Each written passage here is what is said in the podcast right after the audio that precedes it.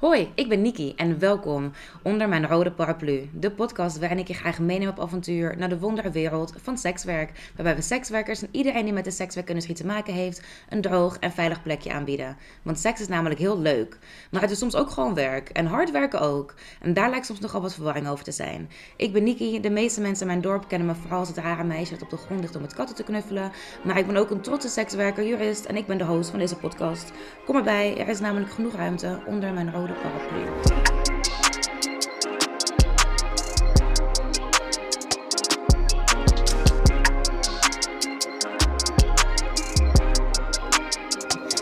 Vandaag heb ik Foxy Angel onder mijn rode paraplu en we gaan het hebben over corona en sekswerk. Foxy is allround sekswerker, activist en heeft zich de laatste jaren via onder andere Proud en het PIK uh, ingezet voor de rechten van sekswerkers in Nederland. Foxy, hallo. Hallo. Foxy, kan je ons een klein beetje vertellen over wie je bent en wat je doet? En um, wat was jouw allereerste herinnering aan sekswerk? Uh, ja, dat kan ik wel vertellen. Uh, nou ja, Foxy dus, 28 jaar. Uh, ik ben ondertussen 17 jaar sekswerker. ja, wat je al zei, allround. Dus wat betekent dat? Uh, ja, ik ben sowieso een full-service sekswerker. Dus ik, uh, ja, ik heb echt contact met klanten. En uh, ja, dat heb ik op dit moment gewoon eigenlijk op allerlei manieren wel uitgeprobeerd. Behalve tippelen. Dat is het enige wat ik nog nooit heb gedaan. Dus ja, en... en ja, voor de rest, ja, ik, ik heb dus alles geprobeerd. SM-studio's, privéhuizen, clubs, escort, massagesalons, optredens op kinky feesten, webcam, porno. Eigenlijk, ja, eigenlijk gewoon alles wat je kan bedenken, ja. En wat was jouw allereerste herinnering aan sekswerk? Ja, dat was toen ik zes jaar oud was. Want ik had een uh, buurmeisje. Ja. En haar moeder bleek dus op zandpad te werken. Oh.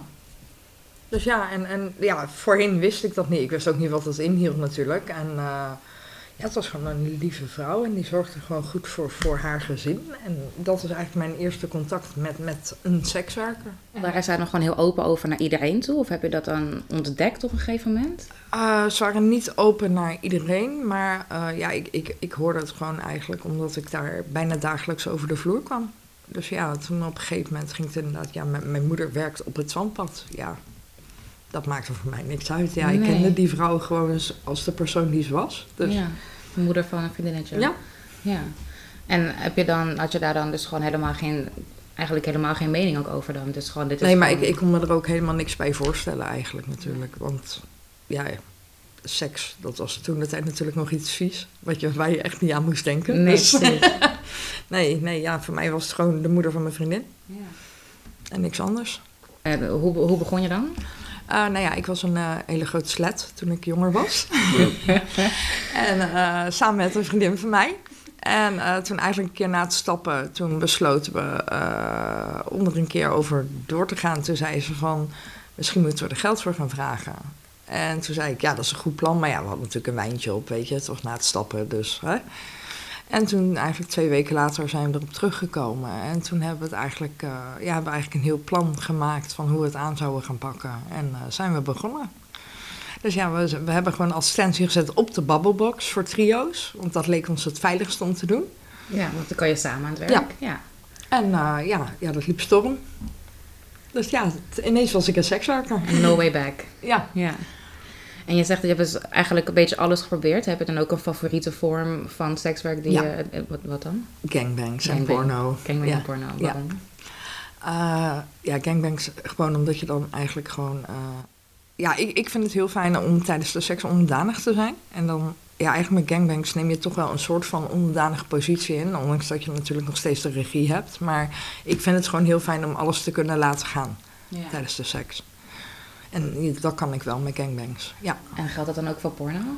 Ja, porno is iets heel anders. Want uh, ja, ik vind het ook fijn om bekeken te worden. Dus die fetish komt daar weer uh, goed van pas. Ja.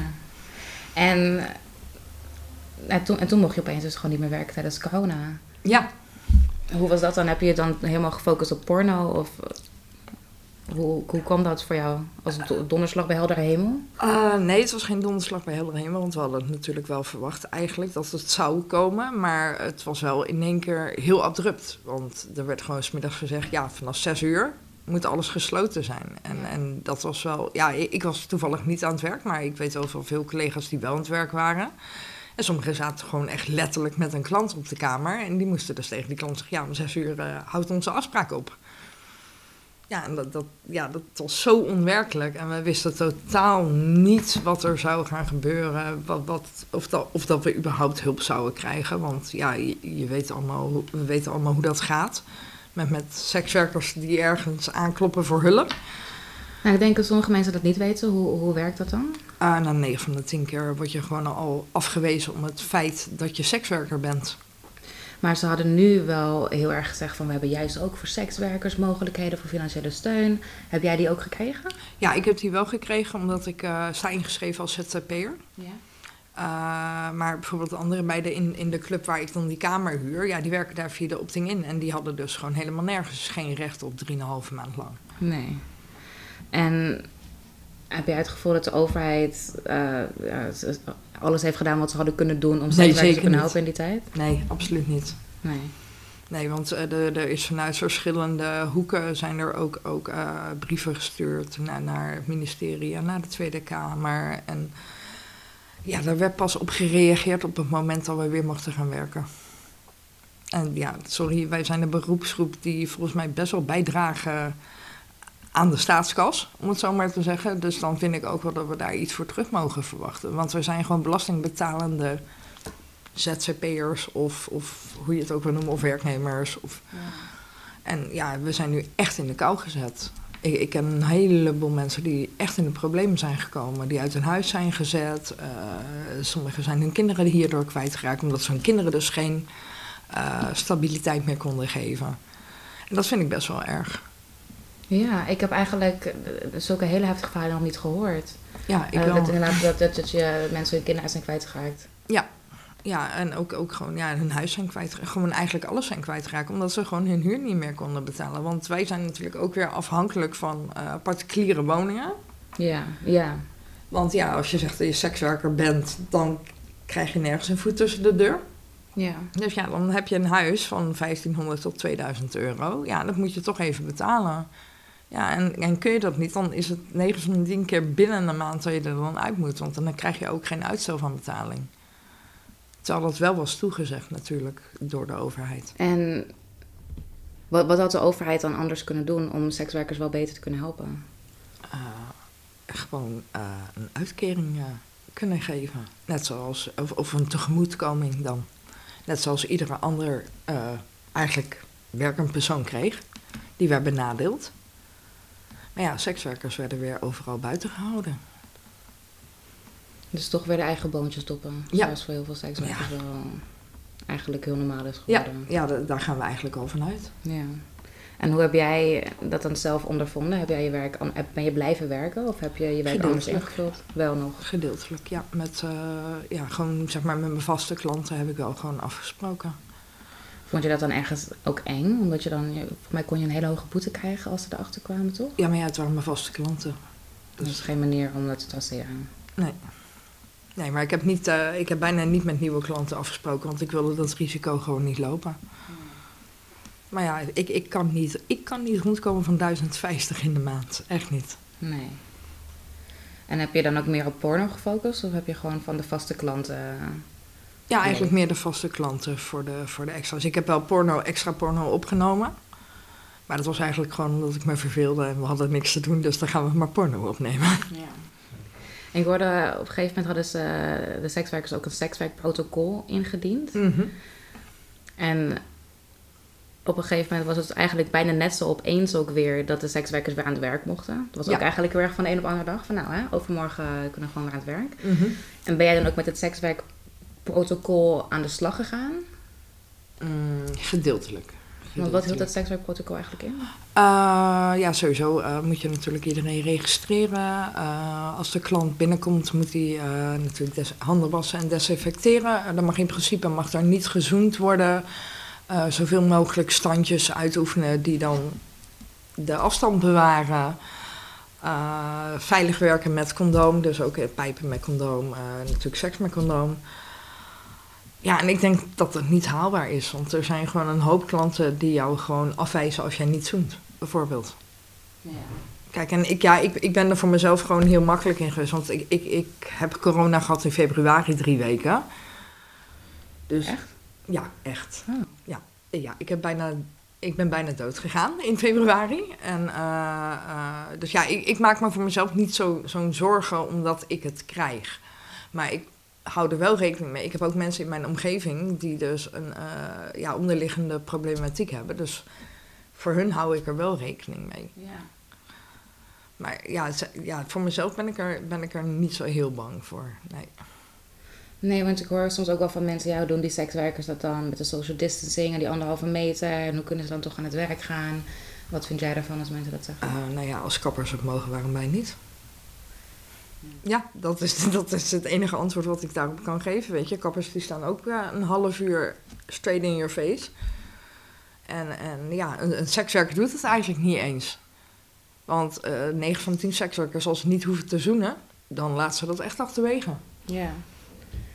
En heb je dan gemerkt, hoe, hoe reageerden de klanten erop dan? Heb je, heb je gemerkt dat tijdens de coronatijd dat je dan toch minder verzoeken kreeg van cliënten?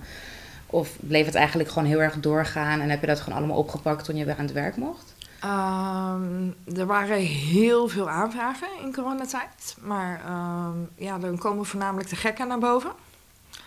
Dus ja, wat dat betreft heb ik niet, eh, die heb ik niet aangenomen. Want eh, ja, ik, ik, ik vind het werk heel leuk, maar ik doe het wel op mijn voorwaarden. En eh, nee, met, met de mensen die zich toen aanmelden, daar, daar wil ik niet mee in zee gaan. Dat, dat ging echt over alleen maar zonder condoom neuken. En, en Tijdens coronatijd? ja, ja. Dus nee, nee daar, daar heb ik gewoon geen boodschap aan. Dan kun je me 100 euro extra geven, 200 euro extra, maar dan ga je nog steeds niet zonder condoom erin. Nee. En heb je gemerkt dat het ook drukker is geworden sinds je weer aan het werk komt? Dat je dan toch merkt dat mensen misschien die intimiteit heel erg hebben gemist tijdens de echte lockdownperiode? Eh, de eerste drie, vier weken wel. Toen was het best wel druk, maar, maar nu begint, ja, tenminste, ik, ik heb de afgelopen twee maanden he- niet zo heel goed verdiend, laten we het daarop houden. Maar ik denk ook dat het te maken heeft met het feit natuurlijk dat de vakantieperiode ook begon en dat mensen op vakantie gingen. Dus ja, ik hoop eigenlijk wel dat het eh, deze maand weer een beetje bijtrekt. En zijn er dan wel dus inderdaad dingen die je dan nu anders hebt gedaan die je voorheen niet zou doen? Na de lockdown, die je voor de lockdown al niet Ja, zou ik, ik kus wel minder snel met klanten. Ja, ik moet nu wel echt een, een soort van klik hebben. Want ja, het is nu... Je kunt nu ook heel makkelijk natuurlijk als excuus gebruiken. Van, nee, nee, nee, het mag niet door corona. Ja. Ja. Maar dat, ja, dat is eigenlijk het enige. Ja, en ik vraag natuurlijk ja, wel gewoon echt om, om de naam en het telefoonnummer. En van tevoren. Want ja, mocht er iets gebeuren, dan wil ik wel gewoon die mensen ook kunnen waarschuwen. ja. En heb je dan ook, want dat hoorde je ook heel veel sekswerkers wel zeggen, ja, we kunnen gewoon met mondkapjes op seks doen. Hoe dan? Seks hebben. Nee, dat vroeg ik me af. Denk, Heb je, heb je dat gedaan of niet? Nee, nee ik zou ook niet weten hoe je dat zo'n zou heel, moeten eh, doen. Zo'n heel bijzonder masker, hoe noem je dat ook alweer? Dat, ehm, je hebt zo'n stijl. Ah, ja, eh, eh, hm, punk. eh, steampunk. ja, Ja, dat. zo'n steampunk masker of zo. Heb je, ik denk, misschien heb je daar nog wel van die verzoekjes voor gehad. nee, nee, helemaal Nee. niet. Gelukkig niet. Dat lijkt Nee, niet leuk met nee, het lijkt me heel raar om, inderdaad intieme seks te hebben met een mondkapje op. Ja. Ja. Ja, nee, dat is niet, niet te doen. En wat vind je er dan van als mensen dan zeggen dat sekswerkers dan... Verspreiders zijn Ja. van corona? ja, Dan zeg ik ja, dat zeiden jullie ook over ons in de jaren tachtig. Weet je, ja, toen hadden we de HIV-epidemie natuurlijk. En eh, wij krijgen altijd overal de schuld van. Maar volgens mij is het nog steeds de verantwoordelijkheid van de mens zelf. ja. Want als jij het dus inderdaad, dat is net zoals dat jij zonder condoom gaat neuken, dan is het jouw verantwoording als je iets oploopt. ja. En ik vind dat dat met corona natuurlijk net zo is. Als je echt niks wil oplopen, nou, dan moet je gewoon niet buiten de deur komen. En dan is het wel heel laag om het weer af te schuiven op sekswerkers. Want ik denk dat juist sekswerkers er wel rekening mee houden. En dat die een betere hygiëne eh, bijhouden dan, dan de gemiddelde Nederlander. Nou, dat weet ik wel zeker. Ik kan me ook heel goed voorstellen dat. Ik, ik snap denk ik wel heel erg wel wat je, wat je zegt, dat je de eerste paar weken dat het heel erg storm liep eigenlijk. Met mensen mogen elkaar niet aanraken, je mag, elkaar eigenlijk, mag je eigenlijk bijna ook niemand zien. En dat mensen toch een bepaalde intimiteit dan wel missen. Absoluut.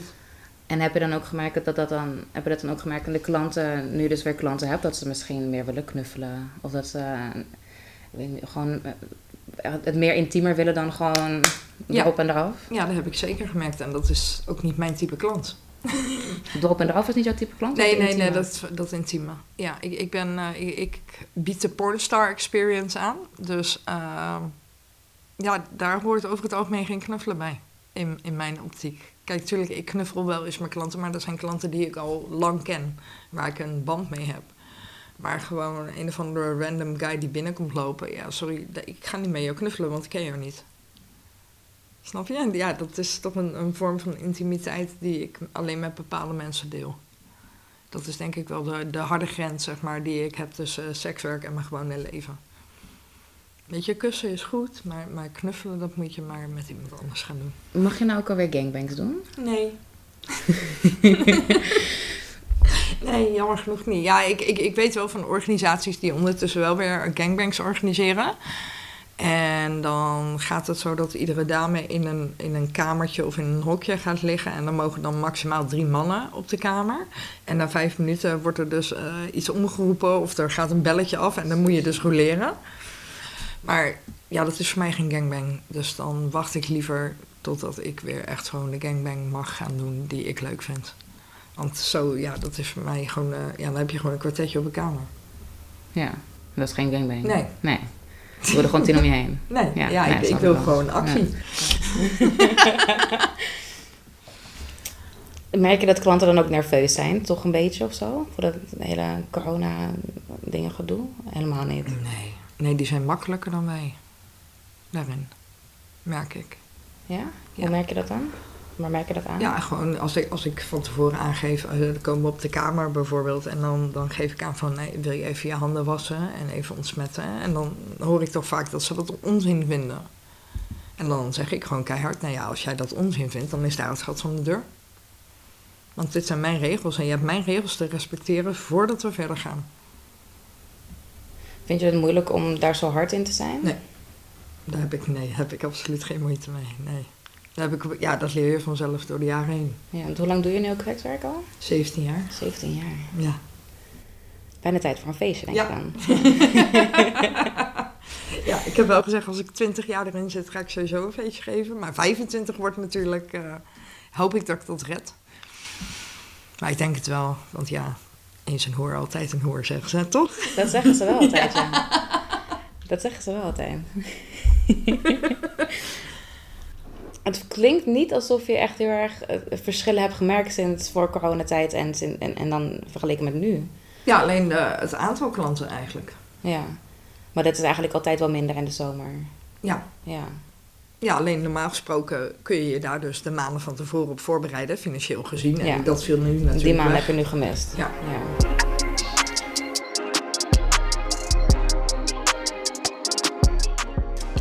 Wat vind je er dan van? Want voor mij was het zelfs nog toen sekswerkers niet aan het werk mochten, had je wel gewoon alweer toeristen in het land. Ja, klopt. Ja, en dat vond ik heel dubbel. Want dat, eh, weet je, en dat waren ook nog toeristen die serieus uit risicogebieden kwamen. En dan heb ik ook zoiets van, ja, dan hou je het natuurlijk helemaal nooit buiten de deur. Als je ze zelf gaat binnenhalen. Maar ja, dat is ook met mensen die nu terugkomen vanuit vakantie, weet je, vanuit een risicogebied. Ja, je kunt je laten testen. En dan ga je vrijwillig in quarantaine. Ja, dat gaat niemand doen natuurlijk, want ze komen terug van vakantie, niemand heeft geen geld meer, dus die willen gewoon allemaal aan het werk. Doe jij ook die hele soort van background check bij je cliënten? Dat je aan ze vraagt van, ben je de laatste weken in, een- Ja. in een risicogebied Ja, dat geweest? doe ik wel. Heb je contact gehad met iemand die corona heeft gehad? Ja, dat De hele vragenlijst. Ja, dat zijn we ook verplicht voordat we ze binnen mogen laten. Dus eh, ja, ik doe het dan al vaak aan de telefoon. Maar dat doe ik een beknopte versie van... eh ben je ziek geweest? Is iemand in je omgeving ziek geweest? Eh, hoe voel je je nu? Weet je, eh, als ze bijvoorbeeld inderdaad op de kamer beginnen te hoesten... Ja, dan, dan, dan gaan ze ook gewoon weer naar buiten. Gewoon meteen. Ook Ja. al was het verkeerd iets gedronken, een verkeerde keel Ja, je, je hoort wel wat voor hoest het is. Ja. Ja, want als iemand echt een coronahoest heeft... die komt echt vanuit diep van de longen. Dus dat hoor je wel. ja, want je zegt dat je het zelf eens ook hebt gehad. Ja, Heb je je toen laten testen? Of- Eh, nee, mijn huisarts wou me niet laten testen. Omdat ik een sekswerker ben. Eh, om, omdat, dat, heeft hij dat gezegd? Omdat je een sekswerker bent? Ja. Ja, want dat werd niet toegelaten door de, door de eh, instantie die die test deed. Want dan ben je sowieso al een risicogeval. En Ik ben een beetje verbijsterd daardoor eigenlijk. ja, ik was er ook door verbijsterd. Want ik had zoiets van, ja, eh, sorry, maar ik ben ook nog steeds volgens mij een, eh, een Nederlandse burger. Ja, dus hij heeft gezegd van nou, ik, ik denk dat je dit hebt, maar ik kan Ja, nee, niet laten eh, testen. de- mijn huisarts probeerde het eerst af te schuiven op, eh ehm, ah, god hoe heet het nou, COPD. Maar ik zei gelijk al, dit is geen COPD. Klaar. Want wat ik nu voel, dat, dat gaat tegen een longontsteking aan. Dus ik, ik wil gewoon, of, of ik word getest of ik krijg medicijnen. Maar ik kreeg het helemaal niet. Ja, ik kreeg een puffertje mee en daar moest ik het mee doen. Dus ja, nou ja, daar heb ik het dus mee gedaan. Later kreeg ik nog twee andere puffers van een vriendin van mij. Daar heb ik het dus mee overleefd. Want ik, ik kon van dat ding wat ik van de huisarts had gekregen, dat deed helemaal niks voor, voor mijn longen, zeg maar. En daar heb ik het dus mee gered de laatste anderhalve week. Maar ik heb echt een zeven dagen met koorts en hoest op bed gelegen. Niet kunnen slapen. Want zodra ik ging liggen, begon je weer te hoesten. Ja, En ik, ik dacht echt na die zeven dagen, dacht ik echt van, het hoeft voor mij niet meer. Weet je, als ik straks niet wakker word, is het ook goed. Op dat punt heb ik gestaan. oh wat heftig. En dan lig je alleen op je Ja. zolderappartementje. Want toen, want ja, we hebben het over februari, maar toen hadden we nog niet echt Nee, in nee, waren ze nog niet echt bekend Niet, officieel. Ja, klopt. Ja, maar mijn vriendin waarmee ik samenwerkte, die eh, was teruggekomen van een reis in Indonesië met longontsteking. Dus misschien dan van haar. Ik vermoed van wel. Ja. Ja. Jeetje. Mhm. En ik denk nu ook van ja, maar hoeveel mensen hebben wij ondertussen ook besmet? Met de gangbangs. Want we hadden gewoon wekelijks gangbangs. Maar ja, daar, daar kun je natuurlijk nooit achterhalen. Want... Maar het is wel heftig. Want ik, ik heb er wel om gevraagd om getest te worden. Want ik had gewoon zoiets van, ik wil het gewoon weten. Want dan kan ik ook mijn maatregelen treffen. Maar ja, het mocht niet. Dus ja, dan maar niet. Dan maar uitzieken thuis. En dat was heftig. Ja, jeetje. Want we hebben Ja. net ook gewoon alle symptomen gehad. Dus de koorts en Alles. de... Ik kon alles afvinken. Ja, het gevoel hebben dat je verdrinkt in je eigen longen, zeg maar. Heel erg, ja. En heeft dat er dan voor gezorgd dat je nu dus niet meer zo bang bent om het te krijgen? Ja. Of dat je gewoon... Ik weet, dat is me eigenlijk niet helemaal duidelijk. Want soms zeggen ze dat je dan im- immuniteit kan ontwikkelen. En soms zeggen ze, nou, dat kan helemaal niet. Ja, maar je kan ook weer herbesmet krijgen. worden, inderdaad. Ja. Ja. Ja. Ja, Ja. ja, dat, ja, dat is dus een risico You je survive moet the nemen once and you can survive it again. Dat heb je Ja. een beetje misschien. Ja, ik heb de eerste keer... Als het nog erger kan worden dan wat ik heb gehad, dan... dan hoef. nee, maar ja, ja ik, eh, ik, hoop natuurlijk dat ik het niet meer krijg. En eh, dat ik eh, immuun ben eigenlijk nu. Maar ja, ook daar wou ik me dus op laten testen. Maar ja, dat kan dus alleen bij de bloedbank. En de bloedbank neemt ook geen sekswerkers aan. En ook geen klanten van sekswerkers. En mensen die kanker hebben, die kunnen ook hun bloed niet laten testen. En gay people niet, klanten van gay people niet. Dus daar zit ook nog wel een lobbydingetje in. Ja, maar moet je dan per se benoemen dat je sekswerk doet? Ik heb een coronatest gehad afgelopen week. Maar ze vragen verder niet wat, je, wat voor werk je doet. Ik heb Ja, maar het stond via de al in mijn dossier natuurlijk. En het zou Oh. vanuit de huisarts gaan. Ja. Wat heftig. Ja, Dat je dan gewoon dus in de onzekerheid moet zijn. Ja. That's the life of a sex worker in Holland. ja. En ik denk dat daar nog wel inderdaad eh, voor de toekomst een, een land voor te breken valt. Ja. Want wij, ja, net zoals ik zeg, wij, ik, ik betaal gewoon mijn zorgverzekering, ik betaal hier belasting, weet je, en waarom word ik dan nog steeds anders behandeld dan iedere willekeurige andere burger? En heb je dat in deze periode meer gemerkt dan voorheen? Ja, soms wel. Ja, In welke opzichten? ja toch, je bent de sekswerker. Dus je bent de verspreider van. Dat is, dat is altijd al zo geweest, want ja, dat is ook net zoals met SOA's, weet je. Dat, dat ook dan, dan zijn wij de verspreiders van. Ja, maar je hebt meer dan één persoon nodig om het te kunnen verspreiden, weet je. Dus... En het is natuurlijk wel bewezen dat, dat, dat de, de, de gemiddelde sekswerker, ja, die, die, die is twintig keer gezonder dan, dan de random swinger of student hier in Nederland. Ja, dat is ook logisch. Wat je... Want wij nemen onze verantwoording. Wij laten ons gewoon regelmatig testen. Ja, maar je werkt ook met je lichaam, dus je moet Ja. ook zorgen dat je lichaam gezond Ja. blijft natuurlijk. Ja, want als ik mijn lichaam niet, niet heb, dan verdien ik ook geen geld. Denk je dat er ook in bepaalde zin, ik zat ergens nog te denken, ik dacht nou misschien is het ergens ook wel positief. Niet positief, corona is niet per se een positief ding, maar ik bedoel ehm, het feit dat ze wel dus die eh, financiële steun hadden voor sekswerkers, geeft op een bepaalde manier dus wel een soort van aan van hé, hey, sekswerk is werk. Dus we moeten de sekswerkers die niet meer kunnen werken wel financiële steun bieden. Oké, heeft niet iedereen die gekregen, Mhm. maar het voelt toch wel een beetje ergens als een soort van erkenning van, van, van, van het werk. Nou, ik denk dat ze meer gewoon eh, hebben gekeken naar het feit dat je zelfstandig ondernemer bent. In plaats van dat je sekswerker bent. Kijk, want ik, achter mijn SBI-code staat ook niet dat ik sekswerker ben. Ik ben een beoefenaar van podiumkunsten en overige dienstverlening. Dus. maar ja, gewoon, ja, al- alle mensen in de opting-in die hebben dus gewoon niks gekregen. En, en dat, dat vind ik wel heel zorgelijk, want die werken eigenlijk voor een systeem wat door de overheid is opgedrongen, waar niemand op zat te wachten. En die hebben dus jarenlang wel gewoon netjes inderdaad via hun exploitant hun belasting betaald. En die, worden, ja, die, die werden nu gewoon aan hun lot overgelaten. Ik heb huilende mensen aan de telefoon gehad. Dat is de meest verschrikkelijke verhalen. Ja, dat wens je gewoon niemand toe. Zeker niet als je eh, eigenlijk dit werk bijvoorbeeld doet, inderdaad om je gezin te onderhouden. Of je inderdaad je kinderen een goede opleiding te geven. En dan, voordat je dan aanspraak kan maken überhaupt op een, een gewone bijstandsuitkering bijvoorbeeld, moest je eerst al je spaargeld opeten. Dat is het spaargeld wat jij door je werk hebt gespaard, zodat je je kinderen een opleiding kan geven later. Dat moet je nu eerst opeten voordat je überhaupt recht hebt op steun. Op steun waar je jarenlang keihard je bijdrage voor hebt geleverd. Ja, dat, dat kan bij mij niet in mijn hoofd. En daar hebben we zeker nog wel eh, een, een hoop werk aan te doen dat het in het vervolg, mocht dit nog een keer voorkomen, dat dat wel verbeterd wordt. Want ik snap ook dat een hoop sekswerkers niet meer terug zijn gegaan naar, naar de clubs en de privéhuizen. Is dat zo? Zijn de, zijn de privéhuizen nu inderdaad minder... Ja, want ik, Vol? ik, ik, ik, ik kreeg pas geleden een, een, een nieuwsbrief of een mailtje binnen van, van, de, van de VER. Exploitant en relaxbedrijven. en die zei dus ook dat er 15 tot 20 procent minder eh, sekswerkers Aan bij hun aan het werk waren. Ja. Gewoon puur omdat ze dus eh, ja, eigenlijk niks terugkregen voor alles wat ze inleverden. En dat snap ik ook, want ik zou ook niet meer gaan werken voor de optingen.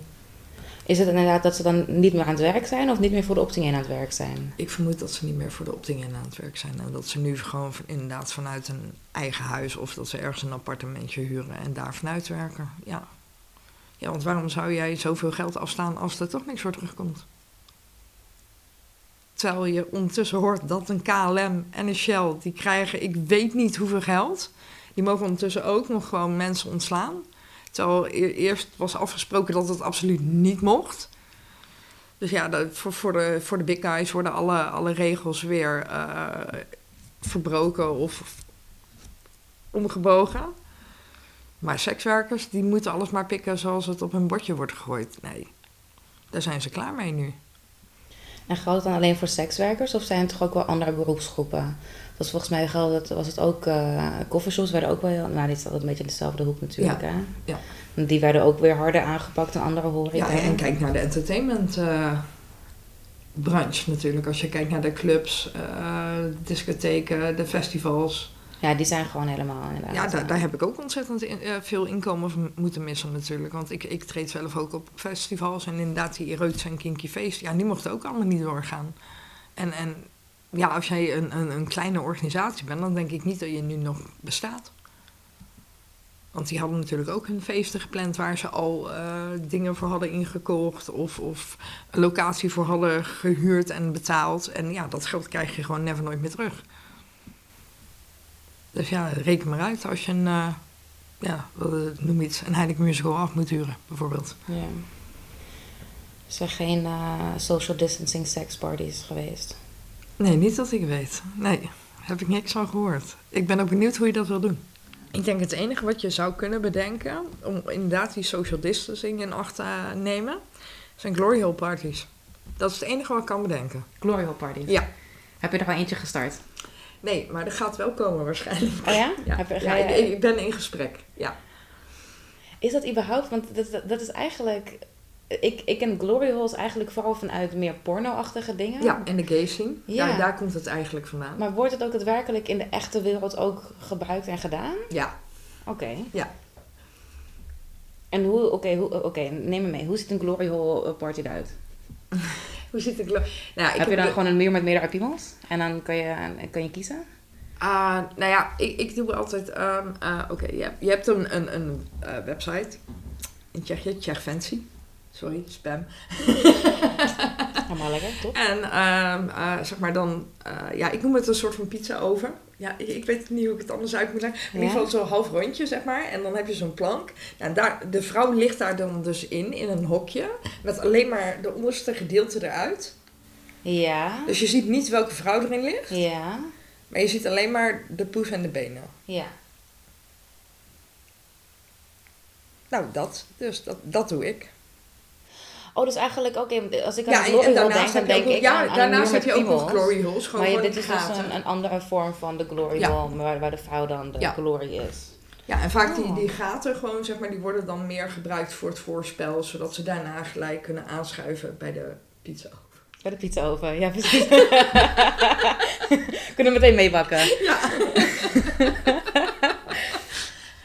Dat klinkt op zich ook net wel alsof het best wel in jouw straatje ligt dan, toch? Ja, zeker, ja, ja, ja, ja, ja, dat vind ik amazing om te doen.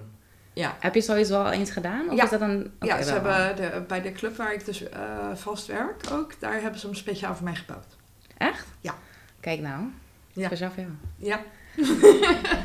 En heb je hem dus dan gewoon op de club al gebruikt? Ja. Of was het voor corona? Ja, dat was voor Of voor corona. corona? Ja. ja. Oh. Wanneer, wanneer is de Glory Hole Party dan? Spam die ook meteen even. Ja, nou ja, daar ben ik nog over in gesprek. Dus.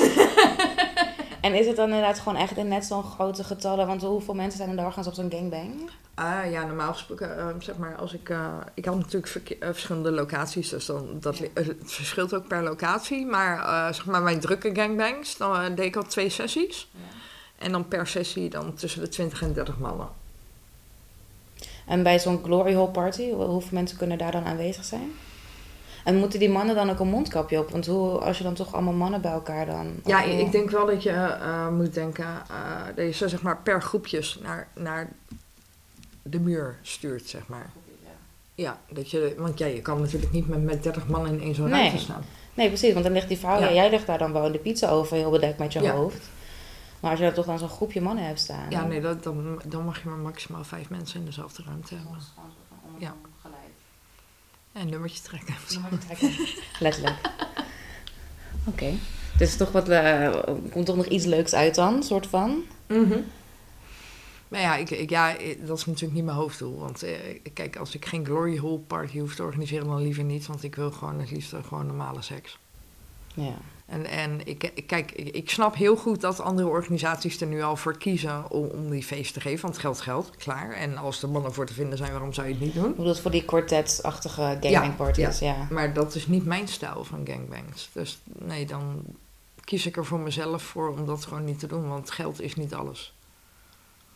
Nee, je doet het niet om, alleen voor het geld. Nee, nee, zeker niet. Nee. Waarom dan wel? Wat vind jij zo leuk aan het werk? Orgasmes. Uitroepteken. Yes, explanation point. ja. Ja, orgasmes en, en ook gewoon eh, het ontdekken van, van eh, personen, weet je. Want iedereen vindt natuurlijk weer net iets anders lekker of, of net op een andere manier. En ik, ju- juist dat spel van het ontdekken vind ik heel leuk. En dat kan ook met een gangbang, ja. Ondanks dat je dan maar heel korte tijd hebt. Maar ja, dan, dan kun je toch wel die ontdekkingsreis doen, zeg maar. Hoe doe je dat dan in vogelvlucht? Want dan inderdaad, normaal gesproken heb je natuurlijk veel meer tijd om daar Mhm. achter te komen. Maar kan, dan moet je dus eigenlijk heel goed iemand kunnen lezen. Ja. Of heel goed kunnen communiceren. Omdat binnen een paar minuutjes... Ja, dan, klopt. Die kwaliteiten heb ik. Dat geloof ik. Ja, ik kan, ja, nee, ja, ik kan dus mannen inderdaad heel goed lezen. En Ah, lichaamstaal is key. Dus gewoon heel goed letten op, op, op ja, het lichaam en de reacties van, van de persoon die je tegenover je hebt. En dan merk je vrij snel of dat hij iets bij zijn ballen wel lekker vindt of niet, of bij zijn tepels. Ja. En heb je dan gemerkt, want vaak is met fetishes is het zo dat het dingen zijn uit mensen of hun verleden die ze hebben meegemaakt, of juist huidige Mhm. maatschappelijke dingen. Dat zie je heel vaak in porno ook terug. Dat Ja. porno gaat vaak over waar we het in de maatschappij eigenlijk over hebben. Absoluut. Mensen zien eigenlijk heel graag in hun porno terug wat ze in het dagelijks leven meemaken. En hebben, dan ook, hebben dat dan ook gemerkt, dus nu tijdens deze situatie hebben mensen, ik weet niet, toch nou, bepaalde fetishes en, en, en ideeën die ze nu meer, bepaalde verzoekjes of bepaalde fetishes die nu opeens op zijn gekomen? Ah, ja, ik merk eigenlijk wel dat ik de, de laatste tijd eh, meer onervaren mannen eh, krijg. Die dus echt specifiek vragen om seksles. Seksles. Ja, dus, dus ja, echt mannen die bijvoorbeeld inderdaad eh, hun hele leven alleen nog maar met escorts hebben afgesproken. Of eh, in de, eh, ik heb ook een man die heeft nog nooit van zijn leven een vriendin gehad. Ja, en, en die wil dan toch graag, voor het geval dat, wil die toch wel wat skills leren. En ga je dan met hen op een andere manier om dan dat je met andere klanten om zou gaan? Ja, absoluut. Ja, dat is, eh, ja, gaat veel rustiger natuurlijk. En ja, inderdaad meer instructies geven en, en zelf laten voelen. En dus eh, ja, ik begeleid ze daar echt in. Het is niet van, doe je ding maar. Nee. En dat, is- ja, dat is toch ook wel heel leuk. Want ik vind het ook wel heel leuk om mensen iets bij te brengen waar ze later nog iets aan hebben, zeg maar. Ja. En wat, wat moet ik me daar dan bij voorstellen? Dat het inderdaad echt mensen zijn die nog ook die, die misschien nog nooit seks hebben gehad? Nee, ze hebben wel seks gehad. Maar, maar ja, dus inderdaad alleen met escorts of, of eh, ja, vroeger een keertje. En toen eigenlijk eh, kreeg ze bijvoorbeeld een baan wa- waardoor ze eigenlijk de hele week van huis af waren. En alleen één dag in het weekend thuis waren. Dus ja, dan is het natuurlijk ook heel moeilijk om een relatie te onderhouden. En eh, ja, dat zijn toch ook vaak wel, ik wil niet negatief zijn, maar een beetje contactgestoorde mensen. Of ja, Ja, mensen die minder, gewoon Ja, minder meer, sociaal meer, zijn. Meer, meer moeite hebben met communicatie en dingen. Ja. Ja. Sociaal. Dus ja, dat, dat, ja, ik voel me wel vereerd dat ze dan mij kiezen, weet je. Want, want ook, ik, ik ben natuurlijk niet eh, de standaard type sekswerker, om het zo maar te zeggen. Waarom niet? Nou ja, ik ben vrij uitgesproken en ik, ik ben wel vrij uniek in wat ik aanbied eigenlijk. Als je kijkt naar het gemiddelde. Maar wat maakt jou dan als sekswerker zo uniek? Eh, ik ben echt. Ik speel geen toneelstukje. En ik denk dat dat mij wel uniek maakt. Als ik je niet mag, dan, dan merk je dat echt wel tijdens de date. Ja. Ja, ik heb er van de week nog eentje uitgegooid. Na een half uur dus. Waarom? Omdat hij me keer op keer op keer op keer op keer pijn deed. En toen was het gewoon klaar. Klaar, ja. Ja. Geef je dan hun geld terug of gooi je ze gewoon de deur uit? Eh, hij was zonder schof, dus die heb ik gewoon eruit gegooid. Ja. Het heeft ook wel iets heel bijzonders inderdaad. Als mensen ook zo open durven te zijn tegen je. Dat ze inderdaad... Want ik neem aan dat ze het ook echt communiceren naar je. Van ik wil een soort begeleiding of ik wil... Ja, dat komt Dat je zo. dit of Nou, dat leert. Wat ik merk is dat ze eerst dan gewoon een, een- de date aangaan. En dan eigenlijk na, na het herorgasme. Dan komt het gesprek van wat ze nu eigenlijk willen. Ja, dan zeg ik ook van, ja, dat is eigenlijk wel zonde. Want nu heb je eigenlijk al een groot deel van de tijd verspild aan iets waar ik je mee had kunnen helpen, zeg maar. Ja. En dan zeg ik, ja, maar ik kom gewoon terug. En ja, wie ben ik dan om nee te zeggen, toch? ja. Dat is wel heel bijzonder inderdaad. Mhm. Ja, ja, ja ik, vind- ik vind een. eh, het is een leuke afwisseling. Ik, ik zou niet alleen maar klanten willen hebben die, die, die begeleid willen worden, zeg maar. Want ja, ik vind het ook gewoon fijn om af en toe gewoon mijn benen in mijn nek te gooien. En, eh, en te gaan. ja, precies. Lekker. Maar eh, ja, ik, ik, ik voel me wel vereerd. Want dat, dat geeft je toch ook wel een soort van status dat ze jou wel echt zien als ervaringsdeskundige, zeg maar. Ja. Wat je ook natuurlijk gewoon bent. Ja. Klopt. Ja, 17 jaar, dus meer Nou dan genoeg.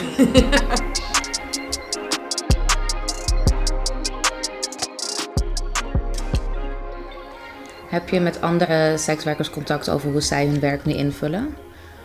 Eh, ja, ja, zeker. Ehm, eh, ja, de me- meeste sekswerkers die ik eigenlijk ken, die doen een andere vorm van sekswerk. Ik ken heel veel sekswerkers die bijvoorbeeld achter het raam werken.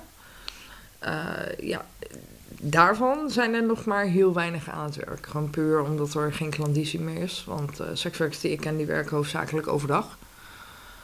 Ja, en, en uh, ik, ik heb toevallig vandaag een rondje over de wallen heen gedaan. En er waren wel twee ramen bezet. Ja, nou ja, en, en die zeiden, de, de dames die daar werkten, die zeiden ook tegen me van... We zijn blij als we de huur eruit halen. En wat voor andere vormen van sekswerk zijn ze dan gaan doen? Hebben we het dan over online sekswerk of gewoon andere vormen van prostitutie? Uh, ja, gewoon andere vorm van prostitutie. Want ze, ze hebben er gewoon voor gekozen om inderdaad dan maar escort te doen bijvoorbeeld. Weet je, want ja, je moet toch inderdaad gewoon nog steeds je huur betalen. Ja.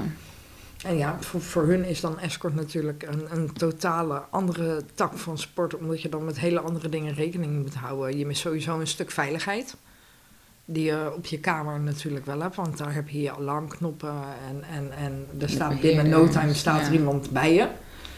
En uh, ja, als je bijvoorbeeld zelf escort doet, ja, dan heb je 9 van de 10 keer dus geen chauffeur bij je, dus ook geen beveiliging.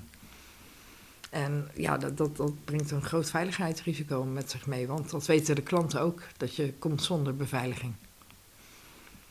En dat, ja, dan, dan kunnen ze gewoon eerder overgaan tot, tot dingen die je eigenlijk niet wil doen. Of, of, of ze, ze jatten je geld. Ja, ik heb, ik heb zoveel verhalen gehoord. Dus. Kan je een voorbeeld noemen van. Uh, nou ja, bijvoorbeeld een, een, een uh, uh, ik, ik weet van de transgender sekswerker, die werkte dus ook voorheen achter de, achter de ramen. omdat zij dus minder dan drie maanden verbleef in Nederland, had ze dus helemaal nergens geen recht op. Ja, die is dus uh, op straat gaan werken. Dus die had wel een advertentie online staan. Maar ja, haar klanten, die ontmoet ze dus in de auto. Ja, die klant rijdt dan ergens heen. God weet waarheen. Met alle gevolgen van dien. En ja, die is dus ook uh, zes keer aangerand. ze een keer de geld gestolen. Ja, en zij is dus op een gegeven moment ook op het punt gekomen dat ze bijna zelfmoord heeft gepleegd. Omdat ze het gewoon niet meer zag zitten. Die zei letterlijk in de appgroep waar wij in zitten van... Ik ga naar buiten en ik ga een uh, dosis heroïne scoren en dan zie ik het wel. En daar hebben we toen dus wel gelijk mensen uh, op afgestuurd om even te checken van... hé, hey, ga even kijken of dat ze daadwerkelijk de straat op is gegaan en dat alles nog nu wel oké is. Ja. En dat was gelukkig ook zo. Ja, gelukkig. Maar uh, ja, dat zet je wel aan het denken. Want dit was er maar één. Maar er zijn er natuurlijk nog vele meer. En ook die geen contact hebben met een community zoals wij dat hebben. En ja, die zijn dus echt op zichzelf aangewezen. En dan, dan kan ik er wel in komen dat je op een gegeven moment zoiets hebt van... ja, voor mij hoeft het niet meer. En ik stap eruit. En wat voor mogelijkheden... zijn er überhaupt mogelijkheden voor sekswerkers zoals dat? Die inderdaad gewoon zich zo in het nauw gedreven voelen met geen opties. Die, die zijn er wel, maar dan moet je je dus eerst weer inderdaad uh, bijvoorbeeld aanmelden bij een, een PNG of een andere hulpverleningsorganisatie. En dan moet je echt een traject ingaan. Maar voordat je eindelijk wordt geaccepteerd eigenlijk voor zo'n traject, ja, moet je sowieso, uh, je moet uh, statushouder zijn al. Dus je moet je papieren hebben. Je mag niet verslaafd zijn aan de drugs. je moet om de een of andere reden moet je toch een adres hebben hier in Nederland. Terwijl ja, als, als je alles bent kwijtgeraakt, dan heb je dus letterlijk niks meer. En, en die hulp die is eigenlijk wel achterwege voor mensen die dus letterlijk alles zijn kwijtgeraakt. En je noemde net dus even achter de schermen de hulplijn. Ja. Kan je daar meer over vertellen? Ja, dat kwam eigenlijk uh, vanuit de, uh, uh, de community. Wij, wij hebben een soort van activistengroep. En uh, binnen die groep ontstond eigenlijk het idee om een hulplijn uh, te openen voor, voor sekswerkers die dus of meer informatie wilden, of gewoon hun, even hun verhaal kwijt wilden, uh, die hulp nodig hadden bij, bij het aanvragen bijvoorbeeld van die tegemoetkoming of van een andere uitkering. dus ja, wij, wij, hebben dat in, in samenwerking met SOA AIDS Nederland hebben we dat opgezet. En uh, we waren iedere dag, waren voor één shift zeg maar, was er dan iemand beschikbaar. Dus of smiddags of s avonds. Mm -hmm. En dat gaven we dan ook aan van tevoren op social media. Maar er werd eigenlijk niet zo heel veel gebruik van gemaakt. Want ik denk de mensen die al actief zijn op internet en op social media, die weten hun weg wel te vinden naar de hulpverleningsorganisaties. Dus Ja. Dus eigenlijk voor de mensen die het zou willen bereiken, dat is dan weer heel lastig om die daadwerkelijk ook te kunnen bereiken. ja, klopt. Ja. Ja, ik geloof dat we in totaal twee telefoontjes hebben gehad in die hele periode. Mooi jeetje. Ja.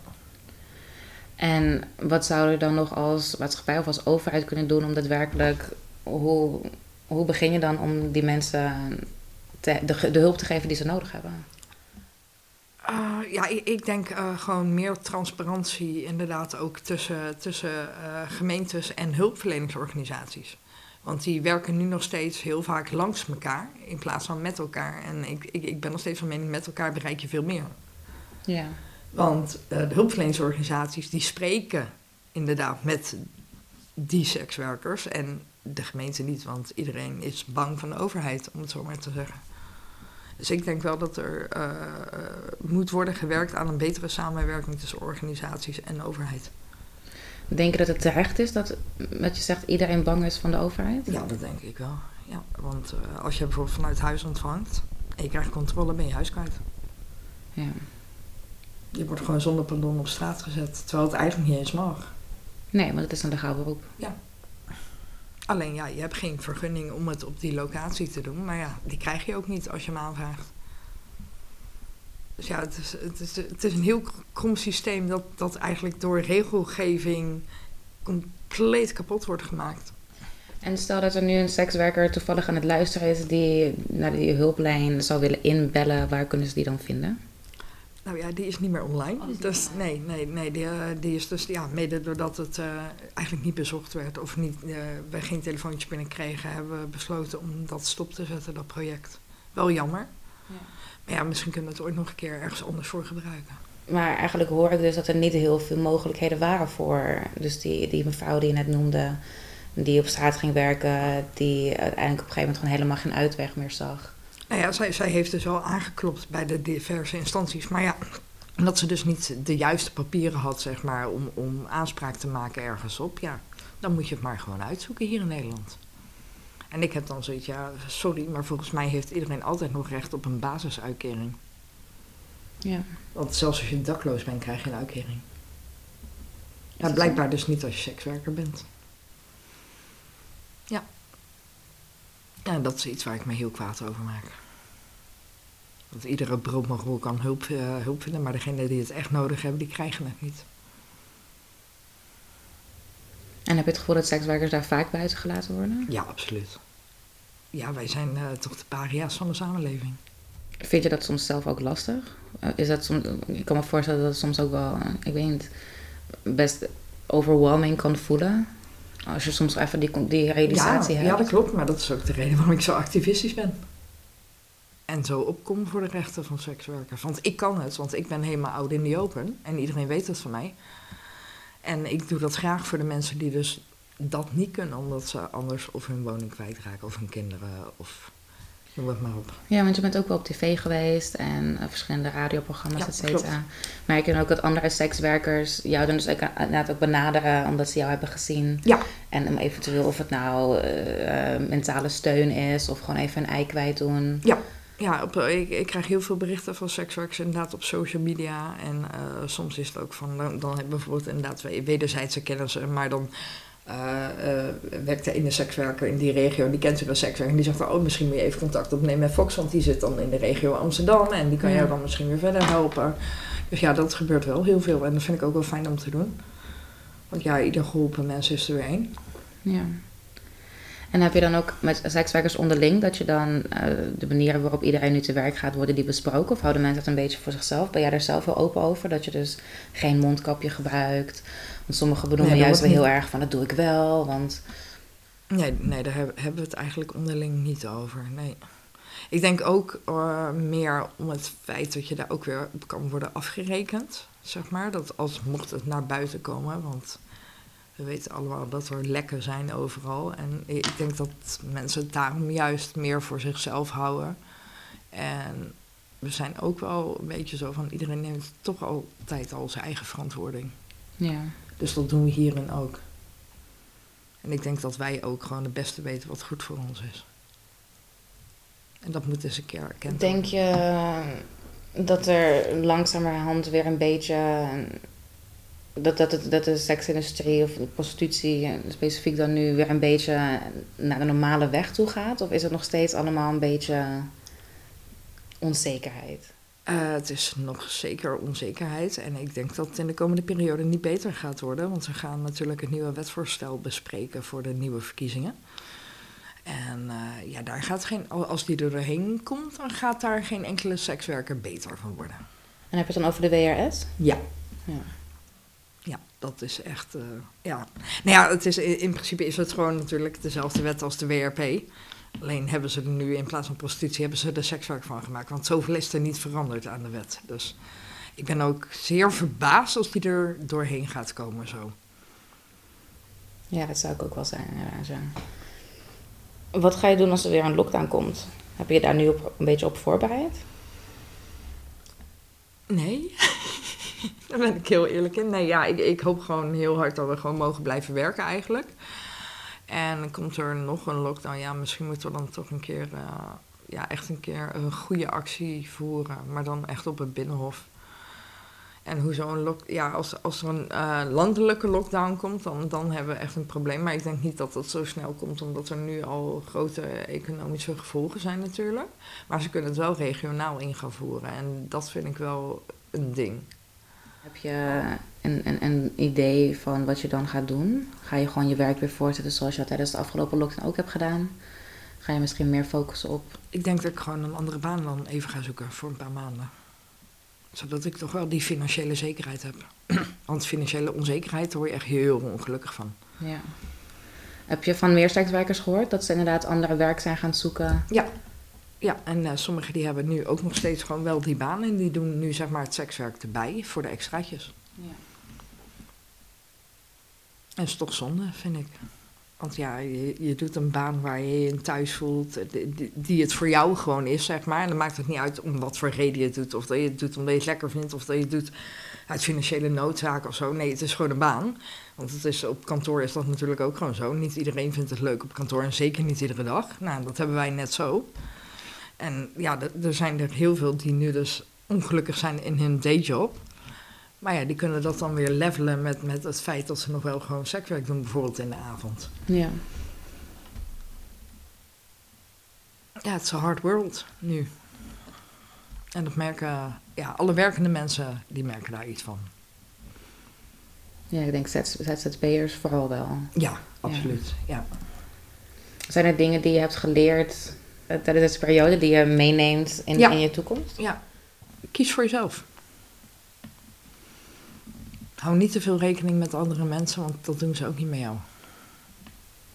Het kan heel negatief opgevat worden. Ja, maar zo bedoel ik het niet. Want ik, ik was altijd zo dat ik altijd eerst alles voor anderen deed en dan pas aan mezelf dacht. En daar ben ik dus echt ook flink door onderuit gegaan. En heb ik een burn-out doorgekregen. Mm En ja, eigenlijk de, de, periode tussen zeg maar dat ik uh, dus ben gestopt vanwege burn-out en dat de lockdown begon, daar zat eigenlijk maar een maandje tussen. Dus aan de ene kant, voor, voor mij persoonlijk kwam het aan de ene kant heel goed uit. Want daardoor heb ik wel uh, mijn burn-out kunnen verwerken. En, en goed kunnen kijken wat ik nu wel wil met mijn leven en hoe ik het in ga delen. Inderdaad, want dat was bij mij voornamelijk het probleem. Alles naar je toe trekken en alles goed willen doen en dan perfect willen doen. Ja. En dat kan gewoon niet, want niemand kan altijd perfect zijn. En dat, dat is wel een ding wat ik echt heb geleerd in, in de lockdown-periode. En inderdaad meer voor jezelf opkomen en, en ook nee durf zeggen. Dat is een ding wat ik heel goed heb geleerd in de lockdown-periode, ja. Ja, geef je mij niks? Ja, waarom zou ik het doen dan? Wat hou ik eraan over? En dan hoeft het niet eens geld te zijn, weet je. Maar, maar gewoon, je, je, je moet wel op eenzelfde level zitten met, met, met degene waarmee je samenwerkt. En dat, dat is nu nummer één bij mij. Ja, leuk dat je me wil neuken, maar wat heb ik eraan? Wat hou ik eraan over? Ik neuk alleen maar met je als we het opnemen. Dag. het is wel heel transactioneel. Ja, ja maar ja, af en toe moet je dat ook leven. Leven tegenwoordig in een wereld eh, die om geld draait. En uh, ja, ik ken geen uh, gratis hoer. Jij wel? Nee, absoluut niet. Precies. Ja. Nou, dat ben ik nu dus ook niet meer. Ja, ze zeggen wel eens, als je iedereen uit zichzelf denkt, dan wordt er aan iedereen gedacht. Nou, en dat is eigenlijk ook zo. Want als je, als je goed voor jezelf zorgt, dan ben je ook in staat om goed voor anderen te kunnen zorgen. Je moet eerst van jezelf houden voordat je van de ander kan houden. En wat heeft er dan tijdens de lockdown voor gezorgd dat dat een soort van... Gewoon de tijd misschien? Dat je gewoon meer tijd had om daarover te kunnen nadenken? Ja, ook. Ik ben eigenlijk vorig jaar in, eh, in oktober ben ik naar Bolivia geweest. Naar een eh, mindfulness retreat. Daar heb ik een heleboel geleerd en, en een heleboel rituelen ondergaan. En eigenlijk heb ik alles wat ik daar heb geleerd, heb ik dus in die lockdown toe kunnen passen. Dus ik heb ook heel veel, eh, ik heb heel veel kunnen mediteren. Ik, ik heb heel veel kunnen schrijven. Ik ben begonnen aan mijn boek, bijvoorbeeld. Dus ja, dat, dat, ja, ik had nu eindelijk een beetje geestelijk de tijd ook om, om daarvoor te gaan zitten en, en het plan ook uit te werken, zeg maar. En dat gaf ook wel weer een soort van rust. Want ik wil al jaren wil ik een boek schrijven. En iedere keer schoof ik het maar voor me uit. Schoof ik het maar. En nu ben ik gewoon begonnen. Dus nu moet ik het ook afmaken. Ja. Dus ja, en, en het, het is ook een verwerkingsproces tijdens het schrijven natuurlijk. En dan heb ik het niet alleen over mijn, mijn boek. Maar gewoon ook gewoon... Ik, ik heb een affirmation diary bijvoorbeeld. En... en uh, ja, echt gewoon zo, ja, zo'n soort van bullet journal hou ik dan bij. Maar dan echt gewoon puur en alleen voor mij. Dus niet, niet, dat hoeft niemand te lezen. Maar wel gewoon dat ik even mijn ei kwijt kan iedere avond. En dat, dat helpt enorm. Dus dat raad ik iedereen aan. Heb je een goede affirmation om de aflevering mee af te sluiten? Mm -hmm. uh, alleen jij kan de beste versie zijn van jezelf. Perfect. Ja. Foxy, dankjewel. Graag gedaan. Als de luisteraars meer van jou willen zien en horen, eh, waar kan dat dan? Google mijn naam. Google is je beste vriend. ja, ik zit op Twitter, ik zit op Instagram. Dat is dan Foxy... Angel. Gewoon Met dubbel X en Y. Dubbel X en Y. Ja. Aan elkaar, streepjes? Ja, aan elkaar. Aan elkaar. Ja. ja. als je dat gewoon zoekt op Google, dan kom je op al mijn profielen en uh, filmpjes, interviews, documentaires waar ik aan heb meegewerkt. Ja. Dankjewel. Mochten jullie uh, vragen, opmerkingen, ervaringen willen delen met ons, dan kan dat ook op onze social media's. Het OMRP Podcast. En um, dankjewel voor het luisteren. En tot snel. Tot de volgende keer.